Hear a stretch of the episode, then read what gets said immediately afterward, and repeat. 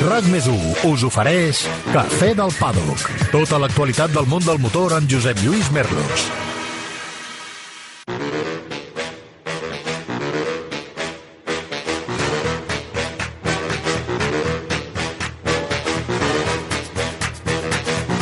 El Cafè del Pàdoc d'avui està dedicat al nostre company Lucio López, periodista de Barcelona, col·laborador de diversos mitjans, entre ells Motorrace Nation, que, a hores d'ara, s'està recuperant d'un accident espantós que va tenir dissabte a les portes del circuit de Portimao, un accident en el qual va morir un policia com a conseqüència d'un xoc entre diversos vehicles implicats, en el qual hi viatjava el nostre company. Per tant, doncs, els nostres millors desitjos de recuperació pel Lucio López i esperem que ben aviat torni a estar combatiu ja en tots els mitjans en els quals eh, col·labora i ens pugui tornar a obsequiar amb les seves fantàstiques cròniques. Ànims, Lucio! Què tal, com esteu? Benvinguts una setmana més al Cafè del Pado, que aquí comença el podcast d'aquesta setmana, però us he de dir que en realitat ja portem pràcticament dues hores aquí barallant-nos amb el Joan i amb la Maria. Eh, si la cursa ens va agradar, si no ens va agradar, si Bottas ho va fer bé, si ho va fer malament, si Verstappen ja té el títol a la butxaca, si Hamilton està desmoralitzat i, sobretot, portem també molta estona barallant-nos amb el Quim sobre la notícia que hem sabut a les últimes hores. Atenció, Marc Márquez no correrà al Gran Premi de València i tampoc estarà als tests que es faran a continuació al circuit de Jerez de la Frontera. I ara què? Ara què? Dissabte vaig publicar un article on, on, on jo deia que no em creia que la commoció cerebral que havia tingut Marc Márquez fent off-road, no sé exactament quina mena d'off-road, no sé si feia motocross, si feia enduro, si anava en bicicleta, si feia trial, si havia anat a buscar bolets, a caçar cargols, a fer una capea taurina... No ho sé, perquè la falta d'informació al voltant del món Marc Márquez és tan evident, deu ser cosa de la boira de Lleida, probablement, no ho sé. Però el cas és que, moltes vegades, l'entorn de Marc Márquez, algú en concret i en particular, acostuma a queixar-se de la premsa i diu que contínuament estem especulant i contínuament estem inventant coses. Tant costa dir la veritat? Tant? Tant costa dir la veritat? Els primers que volem la ràpida recuperació de Marc Márquez som nosaltres, perquè nosaltres també vivim i també mengem dels èxits de Marc Márquez i, per tant, volem que estigui competitiu quan abans millor. La victòria a Misano ens va il·lusionar, ens va esperonar moltíssim i, sobretot, ens va donar molta il·lusió de cara a la temporada 2022, que jo crec que serà apassionant. La lluita que podem viure entre l'actual campió, Fabio Quartararo, Peco Bagnaia, que està fent un final de temporada espectacular, i, evident, Marc Márquez, prometia molt, però... I ara què? I ara què? Ens hem de creure un segon hivern de mentides i més mentides? En parlarem, evidentment que sí, al Cafè del Paddock, avui carregat de propòsits informatius i amb el millor equip. Avui, al Cafè del Pàdoc amb... Maria Serrat, Barcelona. Joan Villa del Prat, Sant Cugat. Quim Salvador, Rubí. I, com sempre, Carla Gil a la gestió tècnica. ¡Trata de arrancarlo! ¡Trata de arrancarlo, Carlos! ¡Trata de arrancarlo! ¡Trata de arrancarlo, por Dios! Quim Salvador, com estàs? Doncs bé, però avui el cafè el necessito ben carregat, eh? Eh Amb sí? benzina i amb una mica de whisket, si pot ser, perquè entre el títol de Costa i les notícies de Marc Márquez són dies d'emocions fortes. I ara què? Eh? I ara què? Dissabte Doncs em van ara- dir de tot, eh? Per, per posar en dubte la lleugeresa de, de l'accident que havia tingut Marc Márquez. Tant de bo m'hagués Home, el- equivocat, el- però no m'he equivocat de gaire, veig. El que era evident és que si la commoció va ser lleu, com deia el comunicat, i només el comunicat, perquè com bé expliques no, no ha corregut més informació, eh, si era tan lleu no s'entenia que no anés a Portimao a córrer. Mm -hmm. I ara sabem per què. Ara sabem que aquesta commoció deia el comunicat que lleu, que es va fer fent off-road, vés a saber com, perquè els detalls no els han volgut donar, uh -huh. li ha tornat a provocar diplòpia, és a dir, doble visió, com li va passar al, al final de la temporada 2011 amb aquella patacada terrible a Austràlia contra Ratapark Vilairot i que això li va fer perdre el títol de Moto2 l'any del debut. I ara què? Doncs paciència, jo diria sort que aquesta setmana s'acaba la temporada, que total enguany Mm, amb tres victòries, doncs bàsicament Marc Márquez ja, ja havia salvat l'any. És veritat que tots teníem moltes ganes de veure la Portimao i a Misano ja com a tastet del que ens havia d'esperar l'any que ve però com que torna a estar de baixa, doncs eh, ni tastet ni res. Yeah. Eh, esperar que es recuperi bé, per sort ara venen els mesos d'hivern, té temps per passar la diplòpia, l'altra vegada va ser qüestió de temps i va poder començar sense problemes la temporada següent 2012, doncs eh, confiem que enguany també eh, passat a Nadal i Cap d'Any estigui recuperat i a veure quin Marc Márquez veiem l'any que ve. L'esperem, com sempre, al més gran nivell, però a mi em comença a preocupar, Josep Lluís, aquest cos tan castigat que té el 8 vegades campió del món amb només 28 anys. Ja no són només les espatlles, és que ara també, un cop al cap que ens diuen que va ser lleu, encara que no ens ho creiem, li torna a provocar una diplòpia que ja li havia passat 10 anys enrere. No ho sé, no tinc ni idea de medicina, però fa pinta que aquest cos està molt castigat i té només 28 anys. Mala peça al taler, sens dubte. Maria Serrat, què tal, com estàs? Glaçada. Bon dia, bon dia. A veure si amb, amb les discussions que hem tingut i les que tindrem m'escalfo una mica. No estaves acostumada, eh, això? No estaves bueno, acostumada. Bueno. Eh, el que t'has trobat. Bueno, però escolta'm, a Austràlia menjàveu castanyes o no? No, no, ah, no, no menjàvem castanyes, no. ni, ni veiem la neu, ni res d'això. O sigui que, que molt bé, molt, molt contents de poder tenir noves experiències. I tant que sí. Però els nens malalts, això no m'ho treu ningú, eh? Joan Villalprat, estimat, com vas? Bé, estava escoltant això de, de, del Marc. Um, no entenc, suposo que com a Fórmula 1 els pilots tenen un contracte on els diu que no poden uh, fer tonteries, no? Mm. Suposo uh, que el Marc deu tindre un contracte igual. Això de que faci off-road, a què ve?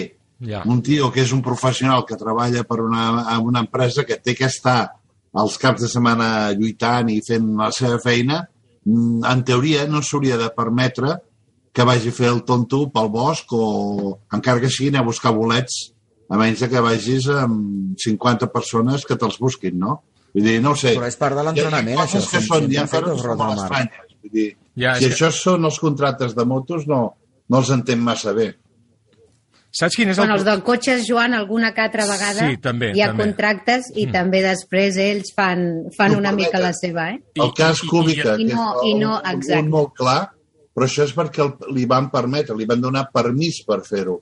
Uh, si hagués estat allà, t'asseguro que no li donava permís. Ja. Vull dir, et jugues tant els cèntims que no és només uh, el que pugui fer el pilot, és que és, la, és el, el, el, el, el, el sobreviure de l'empresa. Si tu perds el teu número 1 de l'equip, eh, no només eh, perds el campionat, sinó que perds els sponsors, uh -huh. tens, eh, perds una el problema, de Joan, és dir, que... no et pots jugar és amb que... un uh, gran campió eh, que vagi fent el tonto. Vull dir, eh, El, el no problema sé, és que actualment és... potser m'equivoco, les motos és diferent, Eh, exacte, és però que el és- mateix pot passar amb el futbol, potser pot passar en qualsevol esport, no?, d'èlit. És que el problema, Joan, és que avui dia això és pràcticament imprescindible. A MotoGP l'entrenament eh, habitual inclou la pràctica de l'off-road, però insisteixo, no sé quina mena d'off-road estava fent i per això eh, tenim tants dubtes. Bé, en qualsevol cas, en parlarem després. Avancem ara als propòsits informatius per aquest Cafè del Paddock d'aquesta setmana.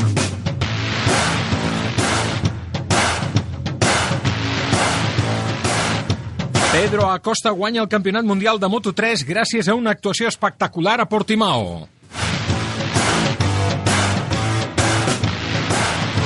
El sud-africà Binder espatlla les opcions de Foggia en una acció suïcida que mereix la màxima sanció. Max Verstappen fa una exhibició a Mèxic i eixampla el seu avantatge al capdavant del Mundial de Fórmula 1 en relació a Hamilton, que va ser segon.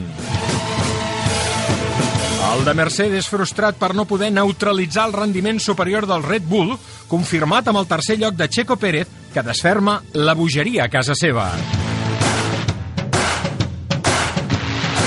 Remy Garner té el títol de Moto2 a tocar després d'una victòria molt treballada a Portugal davant d'un complidor Raúl Fernández. Gran cap de setmana per Peco Banyaia. Després d'obtenir la cinquena pol consecutiva, guanyava per tercer cop aquesta temporada i li donava a Ducati el títol de marques amb el tercer lloc de Miller.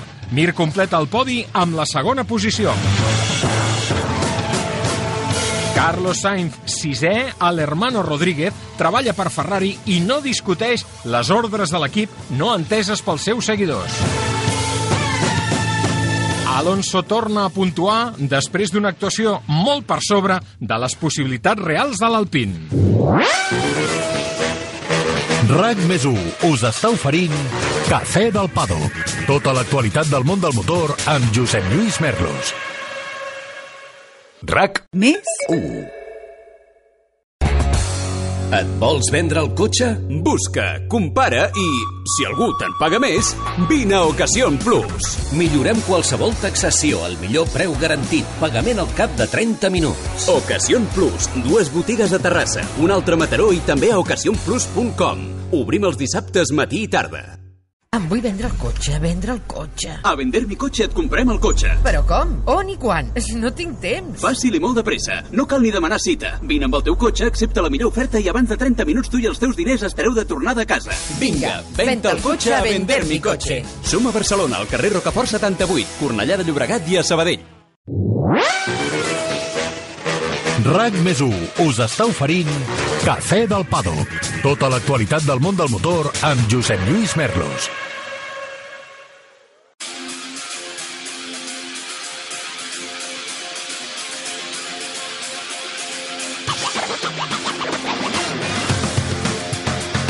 Entrem en matèria, analitzem aquest gran premi de l'Algarve disputat a Portimao per última cursa de la temporada. Ho fem amb Quim Salvador. Quim, el gran tema, evidentment, d'aquest gran premi, abans eh, no coneixíem la notícia d'aquesta absència de Marc Márquez, és el títol de Pedro Acosta a Moto3. Aquest és el gran titular del cap de setmana. Sí, sí, sí, i no només per l'impacte que té que un debutant guanyi el Mundial, cosa que feia una pila d'anys que no passava i et dona la mesura de la dificultat que té, sinó sobretot com ho ha fet a Costa. Va fer aquell inici de temporada absolutament fulgurant, quatre, uh, sí, quatre podis a les quatre primeres curses, amb tres victòries, segona a la primera i després tres victòries seguides. Després eh, hi ha hagut algun tram de temporada en què ha tingut dificultats, era normal, no es pot esperar que ho faci tot perfecte tot l'any, però com ha sentenciat el títol a Costa remuntant des de 14a posició de la graella i guanyant una cursa que va ser fantàstica, sensacional, amb espectacle, amb diversos canvis de guió, amb avançaments i llàstima de la passada de voltes de Darren Binder que enviés a terra Denis Fotja, perquè jo crec que no li treu mèrit a Costa, que ja anava primer quan Binder va fer anar per terra Fotja, segurament hagués guanyat igualment el Murcià, però en tot cas ens va privar d'una última volta d'emoció i espectacle d'altíssim nivell. Merescudíssim el, el títol de Pedro Acosta i amb diversos experts que he parlat les darreres hores per valorar el que ha fet aquest noi, atenció perquè tots em diuen que té un pilotatge més de moto gran que de moto petita. Si ha fet això amb la Moto 3, que es preparin a Moto 2 i en un futur també no gaire llunyà a MotoGP. Doncs ja veuràs d'aquí una estona el que ens explica l'Àlex Cribiller al respecte, precisament perquè et dona totalment la raó. Escolta, creus que la sanció a Darren Binder a desqualificar-lo de la cursa és eh, suficient? Fa de molt mal dir, perquè venim del precedent de Denis Onyo, que el van enviar fora dues curses. La maniobra d'Onyo va generar un accident molt més perillós. Mm, I, la maniobra de Binder és una, una frenada, per tant, a molta menys velocitat. Però no, no, no sé, no, no, no sóc capaç de, de, de veure quina ha de ser la correlació d'acció-càstig entre una cosa i l'altra, no? Binder és un sospitós habitual, no un sospitós, és un culpable habitual de situacions d'aquestes i per tant potser sí que mereixia un càstig una mica major eh, perquè no és la primera vegada que ho fa. També és cert que just en el moment en què s'ha anunciat que aquest noi pujarà a MotoGP l'any que ve sense uns resultats que ho acreditin i sense passar per Moto2, li mm, surt tot aquest sarau i potser adorna algú adorna, direcció de cursa, perdó, que barrejo conceptes. Algú ha entès que no calia eh, afugir, eh, afegir més pebre en aquesta sopa que ja fa xup-xup de fa dies. I també, suposo que en parlarem, trobo que la reacció del Leopard, eh, fent-lo fora del box d'aquella manera, en fi, tot plegat es podia haver fet millor. Però el primer que la va pifiar i de quina manera va ser Darren Binder, això és veritat. Um, Darren Binder a MotoGP l'any vinent, mare de Déu. Va, parlem de Moto3, analitzem abans la classificació del Campionat Mundial de la categoria petita. Així han quedat les coses pendents de la prova de València aquest cap de setmana. Campió del món, Pedro Acosta, 259 punts, 46 de diferència sobre Denis Foggia. Sergio García Dols a la tercera posició. Romano Fenati a la quarta. La cinquena és per Jaume Macià. Pel que fa referència als pilots catalans, Jeremy Alcoba ocupa la onzena posició del certamen. Gabri Rodrigo, que finalment no va poder córrer, tot i que va participar als entrenaments, li feia molt mal la lesió després de les caigudes que s'havia la caiguda que havia tingut al Motorland és el setzè classificat Xavi Artigas, que tampoc va acabar aquesta cursa 19è, i Carlos Tatay a la 21a posició. El Gran Premi començava amb la notícia de la baixa de Gabri Rodrigo, la pole per Sergio García Dols, primera vegada que feia pole el pilot valencià, i atenció, Pedro Acosta a la 14a posició. D'entrada hem de dir que Foggia va fer una molt bona sortida i una gran remuntada, Quim, de Pedro Acosta a la sisena volta ja era segon. Però jo crec que el, el desenllaç de la cursa comença abans de la trompada de Foggia sobre... Uh, de, perdó, de Binder sobre Foggia. Jo crec que comença quan a tres voltes del final cau Macià i Pedro Acosta es posa primer. Sí, i ja abans havíem tingut eh, canvis de guió interessants. Recorda que després d'arribar al davant hi ha un moment en què s'escapen Acosta i Macià, companys d'equip, i sembla que està fet, i arriben Exacte. a tenir més de mig segon de marge. Uh -huh. I quan ja penses, ostres, ara sí, resulta que la recta bé, amb la velocitat de la, de la onda de Fotge tampoc era estrany, els tornen a atrapar i en un 3 i no res vàrem tornar a tenir Fotge davant i Acosta passant un moment de dificultat entre el cinquè i el sisè. Fixa't com hagués canviat el panorama del Mundial si hagués acabat la cosa així. Però altra vegada Acosta es va tornar a refer i amb aquesta facilitat que té per avançar com qui no vol la cosa, pim-pam-pum, es va tornar a posar al davant. I en aquell moment de la caiguda de Macià, tens raó, va haver-hi un altre canvi de guió, al penúltim, Acosta tornava a estar al davant, a més Acosta va atacar i de quina manera a l'inici de l'última volta, el revolt 3, però que és la primera frenada forta, primer punt d'avançament clar, i just en aquell moment va coincidir la passada de voltes de Darren Binder, que va fer caure a Fotge, que en aquell moment era, era el segon. Va ser una cursa apassionant i un desenllaç merescudíssim per Pedro Acosta, que jo crec que va tornar a fer una autèntica exhibició, no només de pilotatge, sinó també de mentalitat, de gestió de cursa i, el més important, d'ambició ell ja ho havia dit abans de la cursa, ja n'hi ha prou d'intentar defensar, he de córrer a l'atac, que és el que m'agrada, i a part, per ser campió de guanyar la cursa, doncs vinga, endavant. Ahí está el tiburón, ahí está el tiburón, se la llevó el tiburón. Aquesta és la teva època, eh, Merlo? ahí está el tiburón, ahí está el tiburón, se la llevó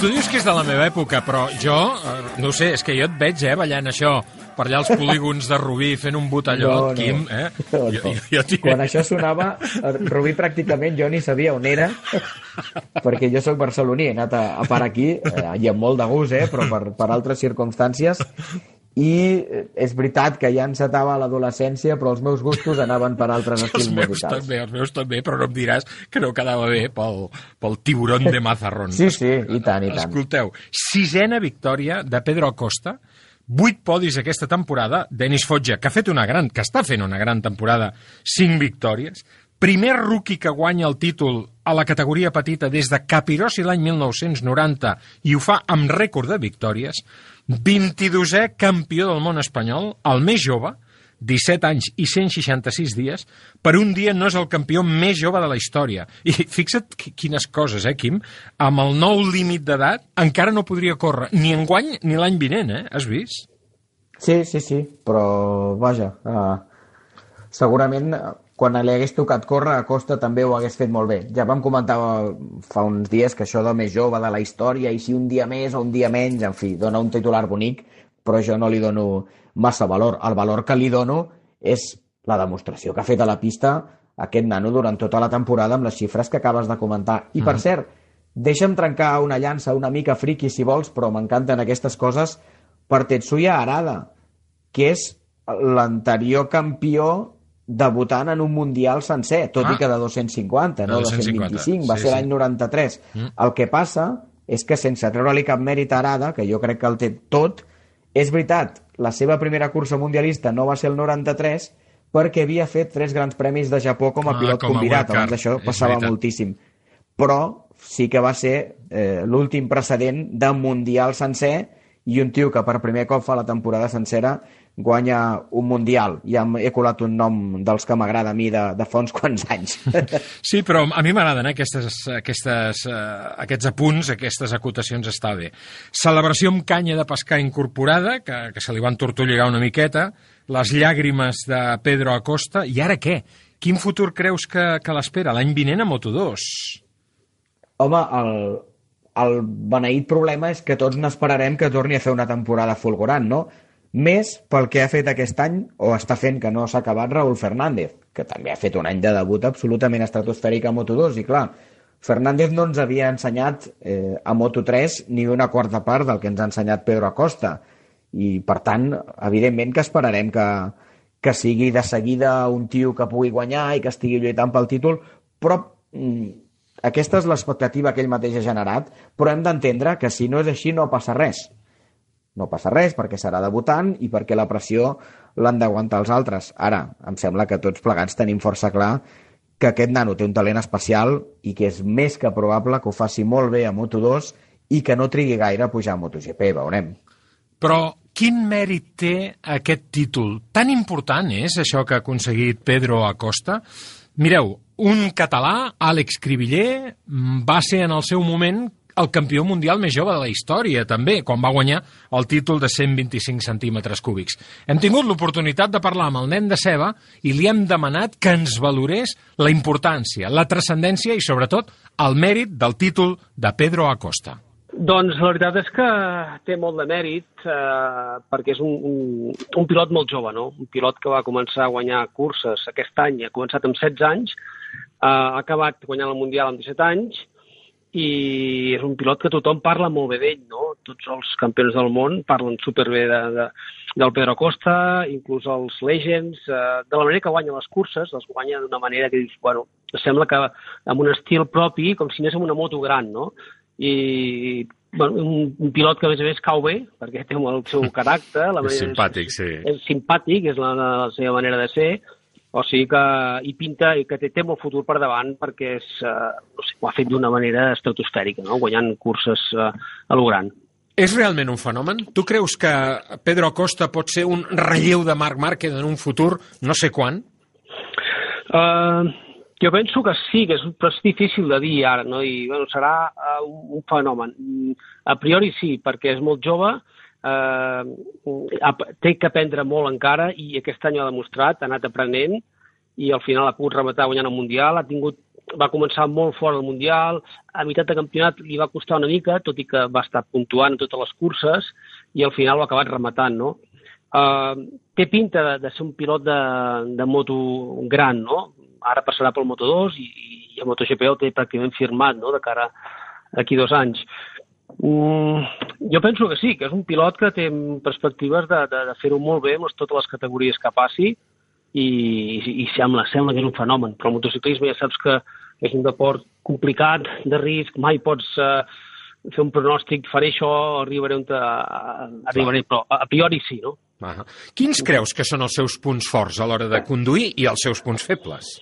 Els punts forts, clarament, diria que són les frenades, eh, eh, entrada en curva, ell va desllitzant molt amb la, amb la roda del darrere, col·loca molt bé la moto, és el que millor frena, i després té un estil molt propi, així amb els cotxes una mica obert, com si pilotés una MotoGP, uh Mhm. -huh. diguéssim, per entendre's d'alguna manera, no?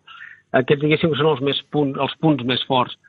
Punts potser que li falta millorar les poles, no? que encara no ha fet una pole, i que li falta, doncs, potser eh, estudiar les curses, no? Potser una mica, però és que no, és molt complicat eh, estudiar una cursa de Moto3 perquè Clar. són de grup i aleshores de, passes de segon, a la següent volta passes al 10 i és una cursa que jo penso que és una categoria que ell està desitjant ja que s'acabi i poder passar a la, següent, no? a Moto2. No era molt alt per Moto3, un metre 72, eh? Jo, jo quan el vaig veure a les primeres curses vaig dir no farà res aquest nano, al principi. Vaig dir, perquè és massa alt i no hi No. cap a dintre el carenat. I aquest Ja. estiu, a sobre, l'home ha crescut 10 centímetres aquest Sí, estiu.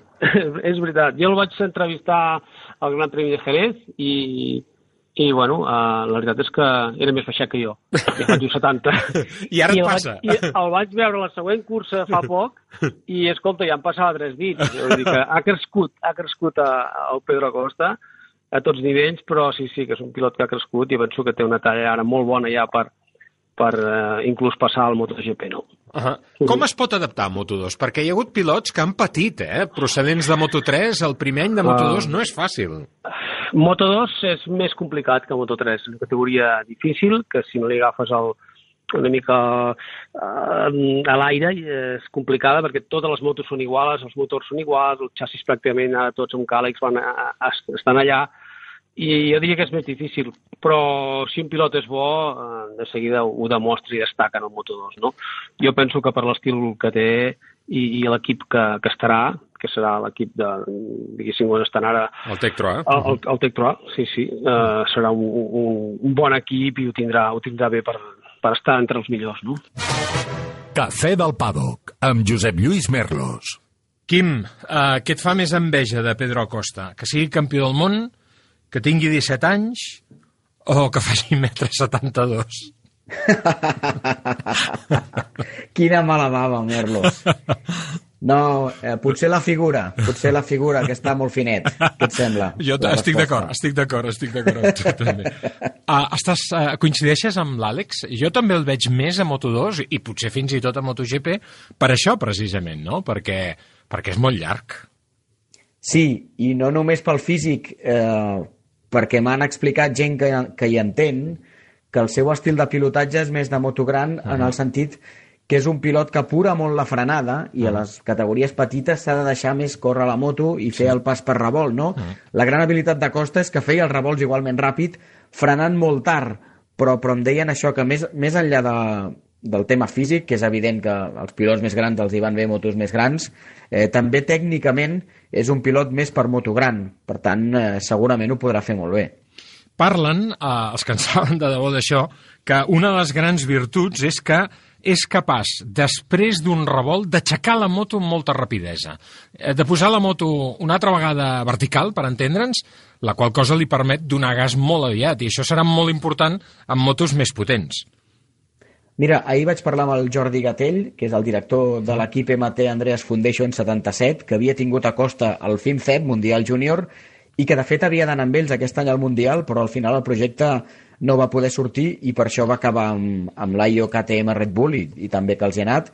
I em va dir una frase el Jordi que em sembla eh, molt important, que és que de tots els pilots que ha tingut en època de, en etapa de formació, que es dedica a això, que són uns quants, diu la telemetria demostra que és de llarg el que primer obre el gas. Diu Veus? la telemetria no menteix. Clar, clar. Escolta, per acabar ja aquest capítol de Moto3, uh, el tema de la tensió que hi va haver al box de, de Foggia. Uh, Binder va anar a demanar disculpes, Foggia estava molt calent, com és normal, i doncs una colla d'acompanyants de Foggia no va deixar que a Binder que s'acostés a Foggia, però és que quan Foggia el va veure es va aixecar, no sé si amb l'ànim de fotre-li un bolet, però clar, uh, tot plegat, xungo. Sí, mala imatge. Uh, S'ha d'entendre eh, que, que són moments de màxima tensió i frustració per part de Denis Foggia del seu equip, el Leopard, i a més Binder ve amb la motxilla eh, que porta, eh, que fa molt temps, que està ficat en tots els saraus i que està eh, considerat per tots i per mèrits seus pilot perillós. Llavors, clar, tot això eh, doncs ajuda que es creï aquesta mena de situació. Però jo crec que el Leopard i, i potser Foggia, tot i que el pilot és potser qui en té menys culpa, van perdre una bona oportunitat de demostrar una imatge molt millor. Perquè en això de les curses, i més a Moto3, un dia, piques tu un, uh, un dia et pica un rival i un altre dia el piques tu. I, i dins del mateix Leopard, a Foig ja no n'hi recordo cap aquesta temporada, però el Xavi Artigas, que és un nano fantàstic de Sant Andreu de la Barca i molt bo i ens estimem molt, doncs també ha tingut incidents amb altres pilots, com gairebé tota la graella ha tingut incidents amb altres pilots. Què passa? Que el de diumenge doncs et deixa sense opció d'intentar apurar les últimes opcions de títol a l'última volta. I és normal que això frustri. Però jo crec que va faltar una mica eh, més de controlar la situació, entenent les emocions Eh, tothom que es dedica a això, i més els de Moto3, saben que les curses passen aquestes coses i que quan fas una, una jugada d'aquestes, què has de fer? Anar a demanar perdó. Si li va passar al Marc Márquez amb el Jorge Martín al Gran Premi de l'Aragó, sí. doncs era un bon moment per rebaixar tensions i per demostrar una altra imatge i es van imposar les emocions en calent que entenc, però que no, no justifico, i encara menys que al cap d'unes hores el Leopard emetés un comunicat per xarxes socials encara afegint benzina a, a tot plegat, no? i com argumentant eh, la seva profunda decepció amb Binder, que els havia arruïnat el campionat, que no sé què, que no sé quan. Home, miri, el campionat dura tot l'any. I, I sí, la frustració del diumenge s'entén, però no es perd per una cursa al campionat. Llavors, evidentment que Binder mereix una sanció i hauria de mereixer una reflexió i que el pugin a MotoGP no em sembla la millor manera Eh, ja sé que no es fa per això, que hi ha altres mm. interessos, però no em sembla un bon exemple que un pilot amb quasi nul palmarès i, i en canvi amb, aquestes, eh, amb aquests problemes habituals de, de comportaments perillosos a pista pugi a MotoGP, però d'altra banda aquestes coses s'han de saber gestionar perquè ni és el primer cop que passa ni l'últim i al final forma part de les curses de Moto3. RAC Més 1 em vull vendre el cotxe, vendre el cotxe. A vender mi cotxe et comprem el cotxe. Però com? On i quan? No tinc temps. Fàcil i molt de pressa. No cal ni demanar cita. Vine amb el teu cotxe, accepta la millor oferta i abans de 30 minuts tu i els teus diners estareu de tornada a casa. Vinga, venta el cotxe a vender mi cotxe. Som a Barcelona, al carrer Rocafort 78, Cornellà de Llobregat i a Sabadell. Et vols vendre el cotxe? Busca, compara i, si algú te'n paga més, vine a Ocasión Plus. Millorem qualsevol taxació al millor preu garantit, pagament al cap de 30 minuts. Ocasión Plus, dues botigues a Terrassa, un altre a Mataró i també a ocasionplus.com. Obrim els dissabtes matí i tarda. Cafè del Paddock, amb Josep Lluís Merlos.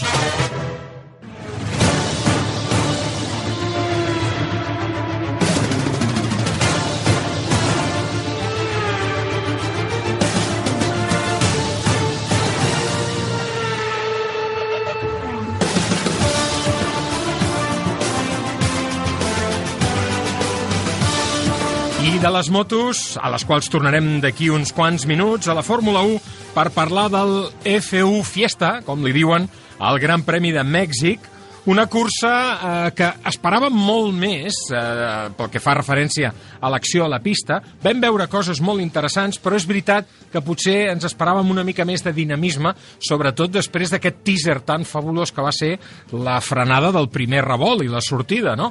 Però d'alguna manera va ser com cremar-ho tot allà, perquè a partir d'això poques coses visuals més van passar, més enllà de l'ambient magnífic que hi va haver, com sempre, al Hermanos Rodríguez. Maria, el Gran Premi, eh, a tu et va agradar o no et va agradar?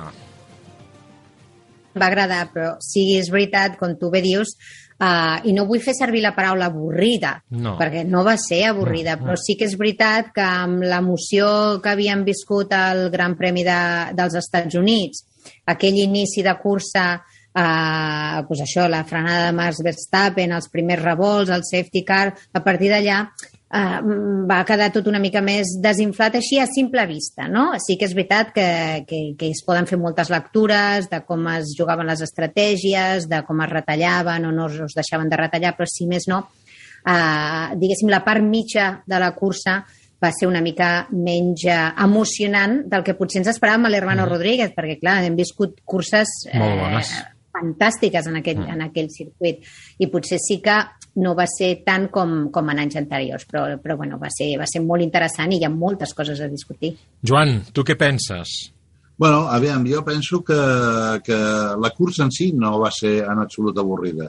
Potser la realització de la cursa en quant a la tele eh, pot ser una mica avorrida, però Bona. és que hi havia, molta, hi havia moltes coses a darrere que no vam veure, no? Hi havia Mhm. moltes lluites, eh, a vegades quan, quan es torna una mica avorrit la part de davant, el que haurien de fer és posar molta més atenció en el que passa a partir del tercer lloc, a quart lloc, a, on hi ha totes les guerres, que aquest, aquest any en, ens està donant una, una quantitat de bones curses en aquestes zones que són formidables, no? Vull dir, més, més aviat jo diria que um, més que una cursa avorrida, el que era una realització avorrida, no? No puc estar més d'acord amb tu, eh? A més, veient, veient la cursa, diverses vegades vaig pensar, vaig pensar eh, n'hi ha prou ja dels mariachis. Aquesta vegada no hi havia tants mariachis com altres anys, no? Perquè altres anys, cada dos per tres, el plano del tio amb la trompeteta, que dius, bueno, va, ja n'hi ha prou, tu. Eh, I, en canvi, molts planos de la graderia, que era molt xula, l'ambient del Foro Sol era fantàstic, però estic d'acord amb tu, estaven passant coses al darrere, per exemple, Russell. Russell va fer una remuntada des del darrere que no la vam veure i que quan anaves agafant el volta a volta després, un cop acabada la cursa, dius, hosti, aquest tio és molt bo, és molt bo, perquè vas veient el volta a volta de Russell i dius, caram, no? O, o, o el mateix Checo, que sí que el anaven seguint, però quan el van seguir, quan, quan es van concentrar amb ell, ja havia fet la feina important, jo penso, no?, d'alguna manera. Sigui com sigui, Maria, el, la cursa començava caldejada amb les declaracions de Toto Wolff sobre Fernando Alonso. Mm, Em sembla que s'ha fotut amb un jardí el Toto Wolff, que m'ha sorprès una mica, eh? perquè jo el tinc per una persona molt intel·ligent i no m'ho esperava, això.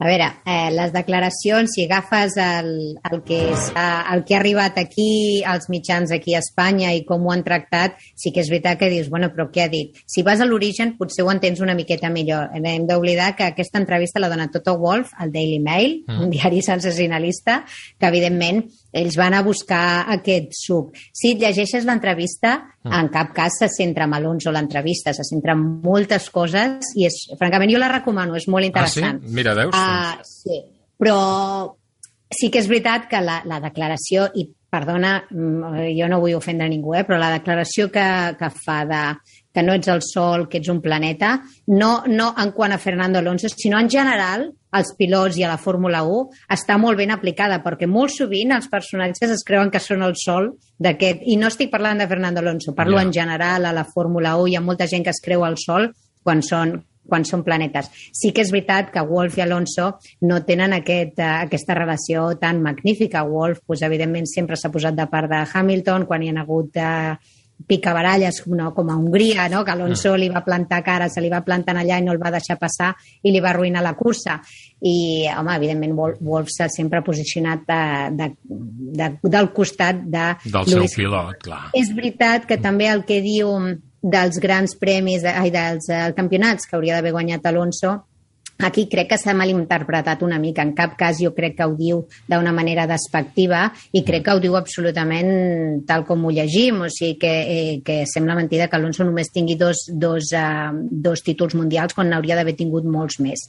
Ara bé, sí que li deixa anar doncs, un parell de, pues, bueno, de, De viatges, de viatges. Sí, sí, sobretot eh, bueno, que està mal aconsellat, de que potser ha mirat més pels calés que no per un altre cap al cotxe, bueno, hi ha, hi ha una història prèvia, però, però sí que és veritat que crec que s'ha mm, no malinterpretat, però sí que s'ha posat en un nivell, eh, sobretot les declaracions aquí, els mitjans, com ho han traduït en aquí, com ho han contextualitzat, sobretot, potser no és ben bé eh, com ell ho havia dit, però sí que, home, sí que eh, no se li ha escapat a ningú, oi? Aquestes, aquestes declaracions. Hosti, Joan, Maria, eh, no podeu ser més collonuts, perquè eh, és que de debò, vull dir, és que és un gust fer un programa amb vosaltres, no? Perquè el Joan ens ha portat aquesta reflexió de la realització i dius, és que té raó, té raó. La Maria ara ens acaba de portar això i a mi ja m'ha canviat totalment la perspectiva de les declaracions del Toto Wolff. Gràcies, Maria. Jo no havia llegit l'entrevista en origen, no? Què dius, Joan? Què dius? Jo et diré, et diré una cosa, que sempre és molt fàcil quan tot et va bé i guanyes, Mm. Eh, i tot el golf està acostumat des de que ha entrat a guanyar, Sí. vull dir, no, no, no, no ha perdut mai, a fer declaracions que surtis molt net, molt llest i molt collonut i molt hàbil, no? Perquè guanyes.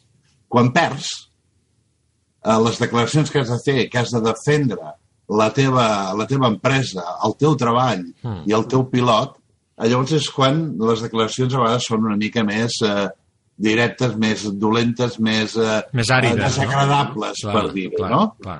I, i, i, i això, eh, això és un joc que fins ara Toto Wolff no era una persona que parlava moltíssim als mitjans. Vull dir, feia entrevistes, feia coses, però no, era, no és un home que feia espectacle. Mm. I últimament, ell i el uh, Christian Horner se les estan fotent una mica Sí. avant i enrere. Mira, Estan llegeix, de debò, Joan, llegeix-te l'entrevista, perquè això que estàs dient, Sí, exactament, surt al principi de l'entrevista, sí, sí. jo parlant de Netflix. Sí, és que l'he llegit, I és l'entrevista. fantàstic. Jo, jo, jo, jo, jo, Fantàstic. Jo l'he Del- vist, vull dir, però vull dir sí, sí, sí, l'he vista, l'he vista.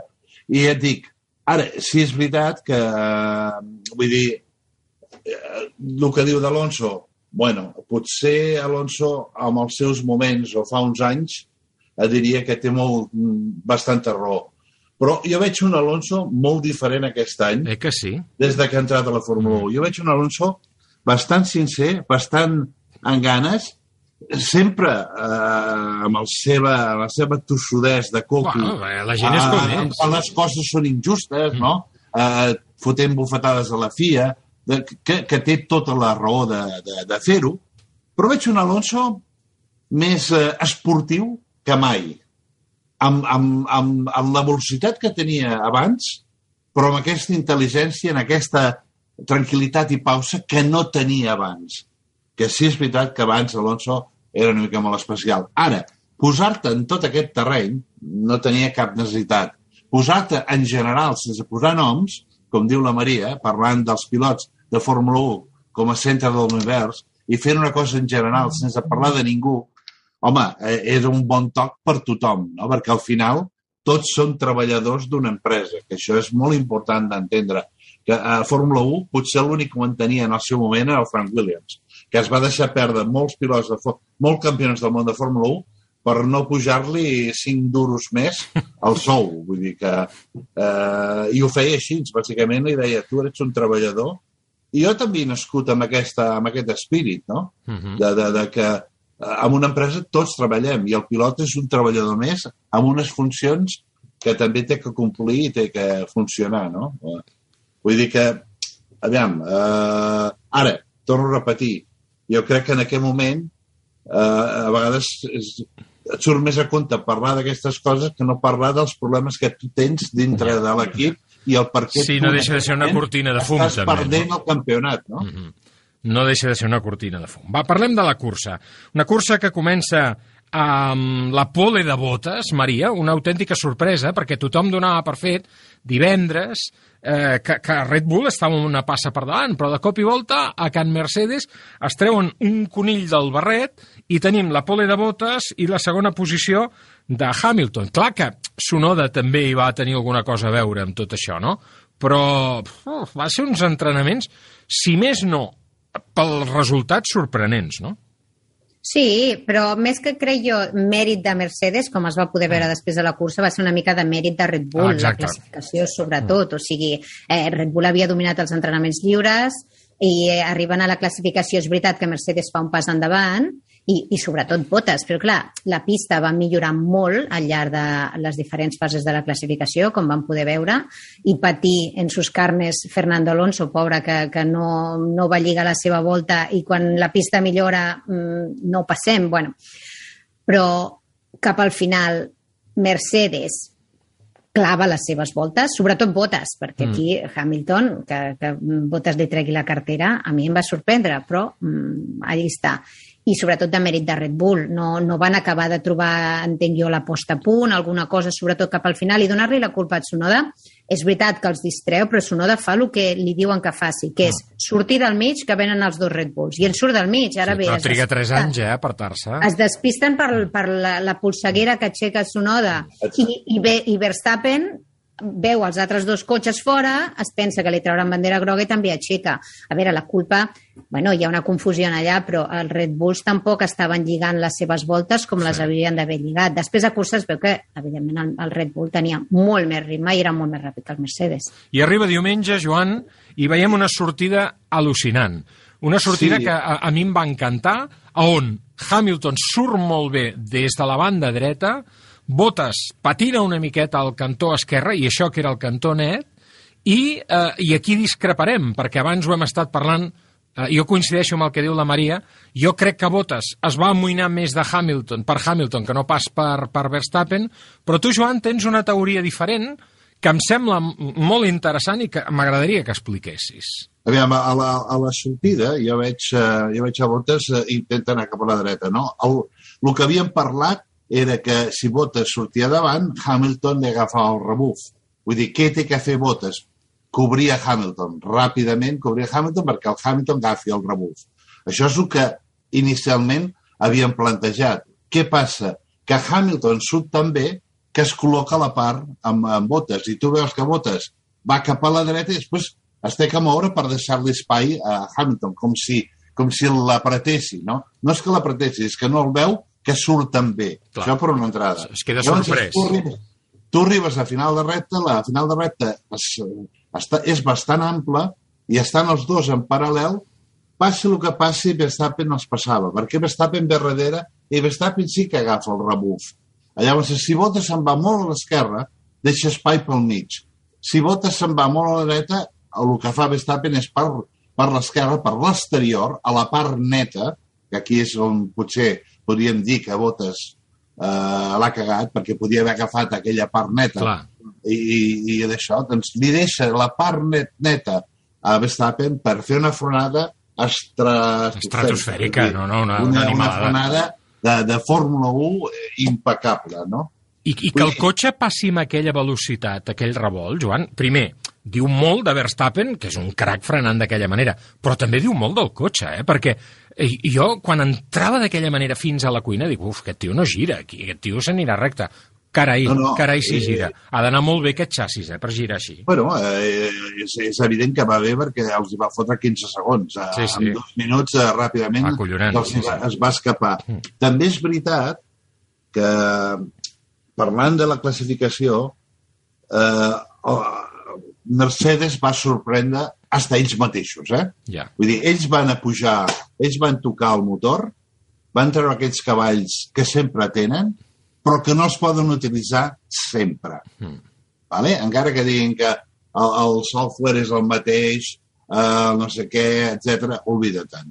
O potser estan canviant a una, més avall o, o amb menys voltes o al final quan és l'hora de dir ara anem a tope els deixen anar fins al, jo què sé, fins No, al limitador. o de Hi ha tubulacions, no? hi ha vull però van guanyar velocitat punta, van guanyar sobretot en cavalls, Ah. no, no en xassis. No, Vale? I amb un lloc eh, amb tanta alçada, no? que té molt mèrit encara, no? Perquè Exacte, i que a més a més sabem que, que en aquest lloc els, eh, els que eren, eh, diguéssim, tenien molts avantatges eren el motor Honda, Clar. perquè perd menys cavalls que els altres motors. Clar, clar, clar. Això va ser evident altres anys i, i també ha sigut evident aquest any.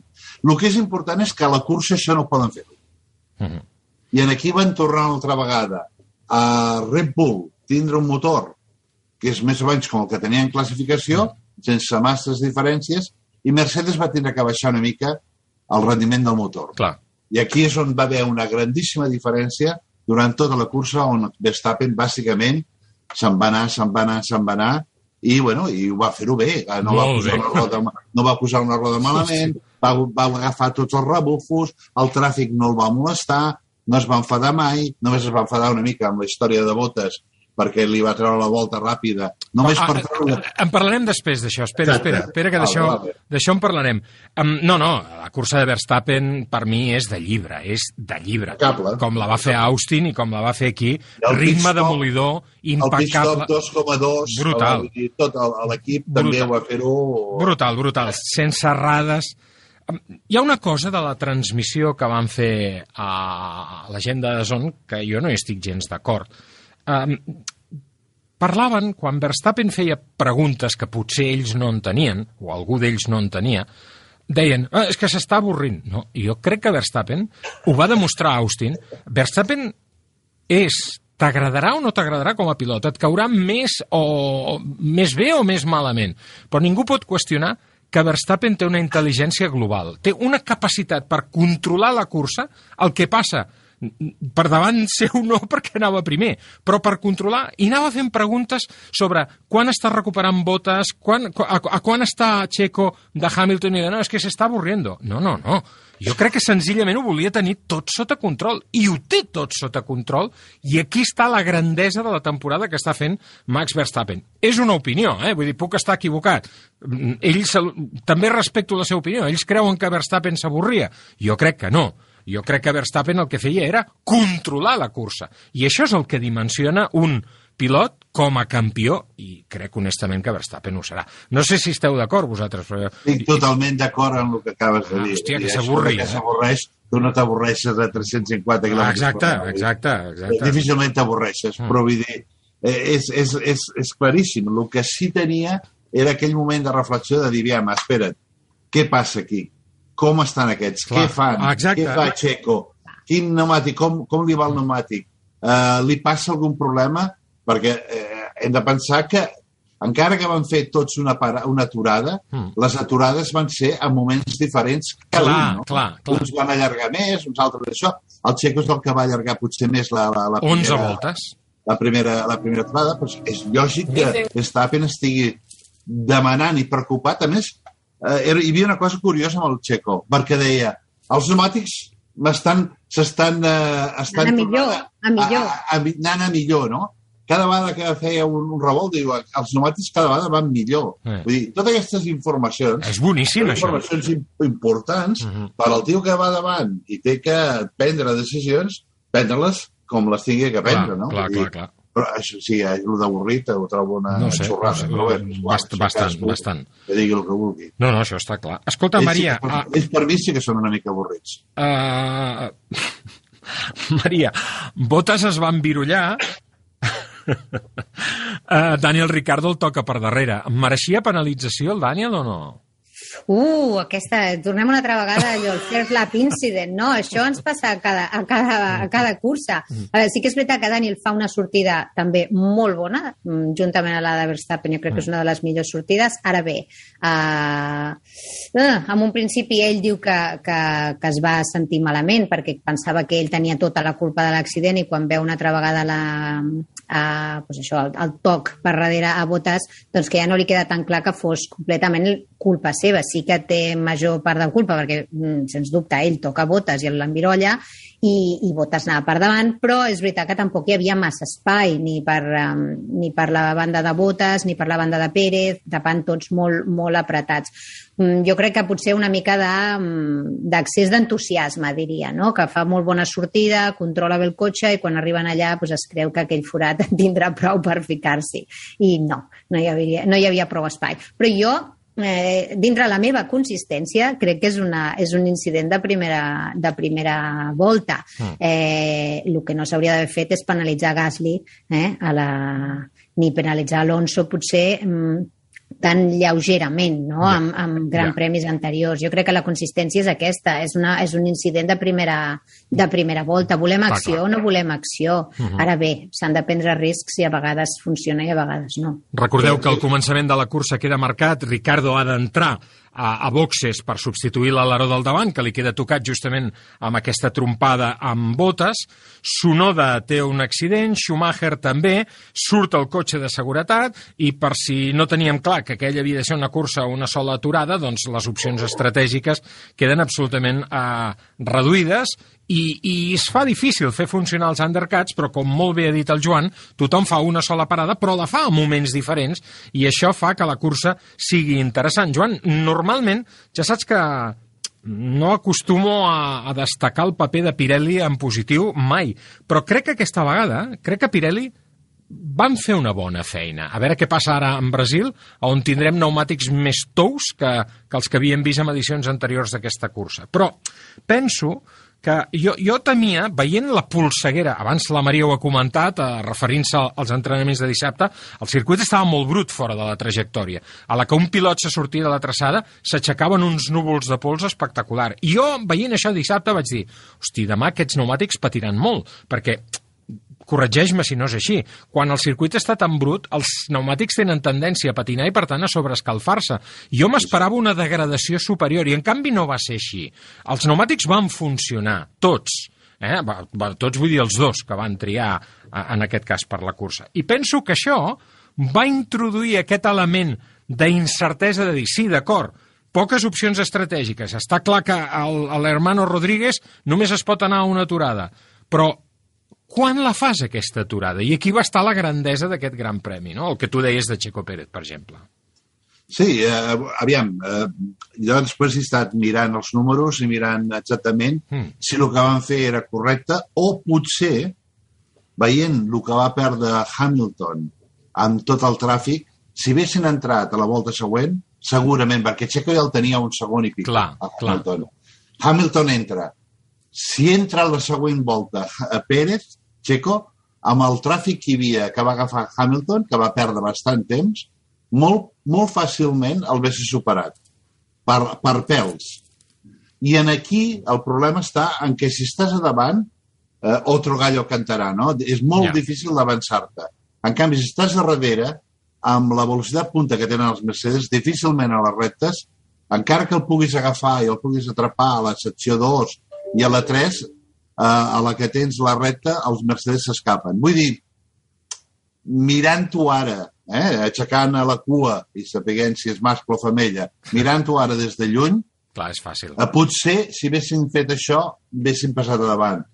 No van fer això, van tirar llarg. També és una bona estratègia. Per tenir sí. més pneumàtic per poder-lo guanyar al final de la cursa. I amb algú tan sòlid com Pérez amb la gestió de pneumàtics gastats, sí, perquè ho hem vist moltes vegades, això. Però precisament Pérez, perquè a més a més, eh, una cosa curiosa és això, no? que Pérez eh, a la ràdio constantment anava dient que el pneumàtic no, no, no li vam treure, no, no va haver un moment del pneumàtic eh, mig que es degradessi del tot, Clar. en cap moment. Sempre semblava que el pneumàtic mig anava a més, a més, a més, no? Vull dir, que això, és, això eh, en això tinc, et dono la raó amb la història de Pirelli, que això és veritat, però volem volem aquests pneumàtics que no se'n vagin o volem pneumàtics ah, no, clar, que siguin molt pit stops? Clar, clar. Perquè això si hi ha una cursa que difícilment es pot avançar en el circuit, el que t'interessa és que hi hagi uns pneumàtics clar, clar que eh, tinguis que fer dues aturades i tens dues oportunitats de cagar-la.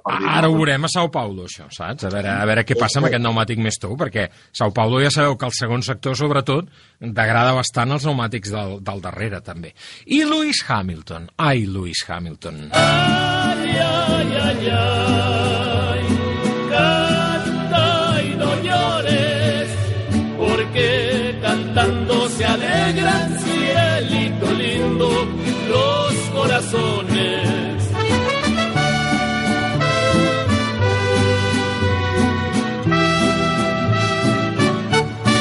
Jo el vaig veure una mica tocadet, aquest gran premi, eh? A mi, eh, veu veure que el podi no es treia la mascareta, els altres anaven sense mascareta ni res, ell anava amb la mascareta perquè no li veiessin la cara d'emprenyat que fotia. Um, no em va agradar que el xiulessin d'aquella manera allà al Foro Sol, crec que és injust, crec que és injust. I després ell no va estar bé no reconeixent els mèrits a Max Verstappen. Tot ho va fiar al cotxe.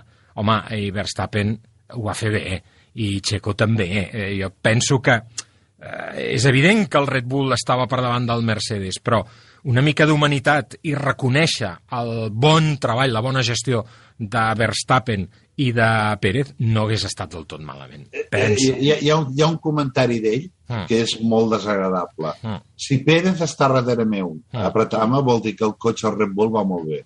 Volguem dir, si Pérez, com si fossi com si fos... Com si fos manco, sí, sí. Com si fos manco. El Pérez, no, sempre, no? sempre, si estem, Pérez sempre fossi... estem igual. Si aquest és el problema de Lewis Hamilton. Per és, això... És, això, això és el que no, no, no té cap sentit. Però bueno, està tocat a mi m'agrada, set vegades campió del món. És veritat que en el Foro Sol no se'l té que xiular mm. a, a un set vegades campió del món, ni molt menys, Clar. estic d'acord amb tu, però està tocat. I això va bé, també. Perquè una sí, mica però no reacciona. Ah, sí, vale, vale. Ja, ja li arribarà, ja li arribarà si perd el campionat, aquesta humilitat. Ja, ja. M'entens? Sí, no, és que el, Lewis Hamilton és un pilot extraordinari, o sigui, en cap, en cap ah, moment s'ha de posar en dubte. I, i eh, els aficionats, com bons aficionats al motor i no hooligans, haurien també de reconèixer, reconèixer això, perquè Clar. a mi tots aquests pilets de Hamilton, ni al Foro Sol, ni, ni a cap dels altres no, circuits. No, ni a Montmeló, ni a Montmeló.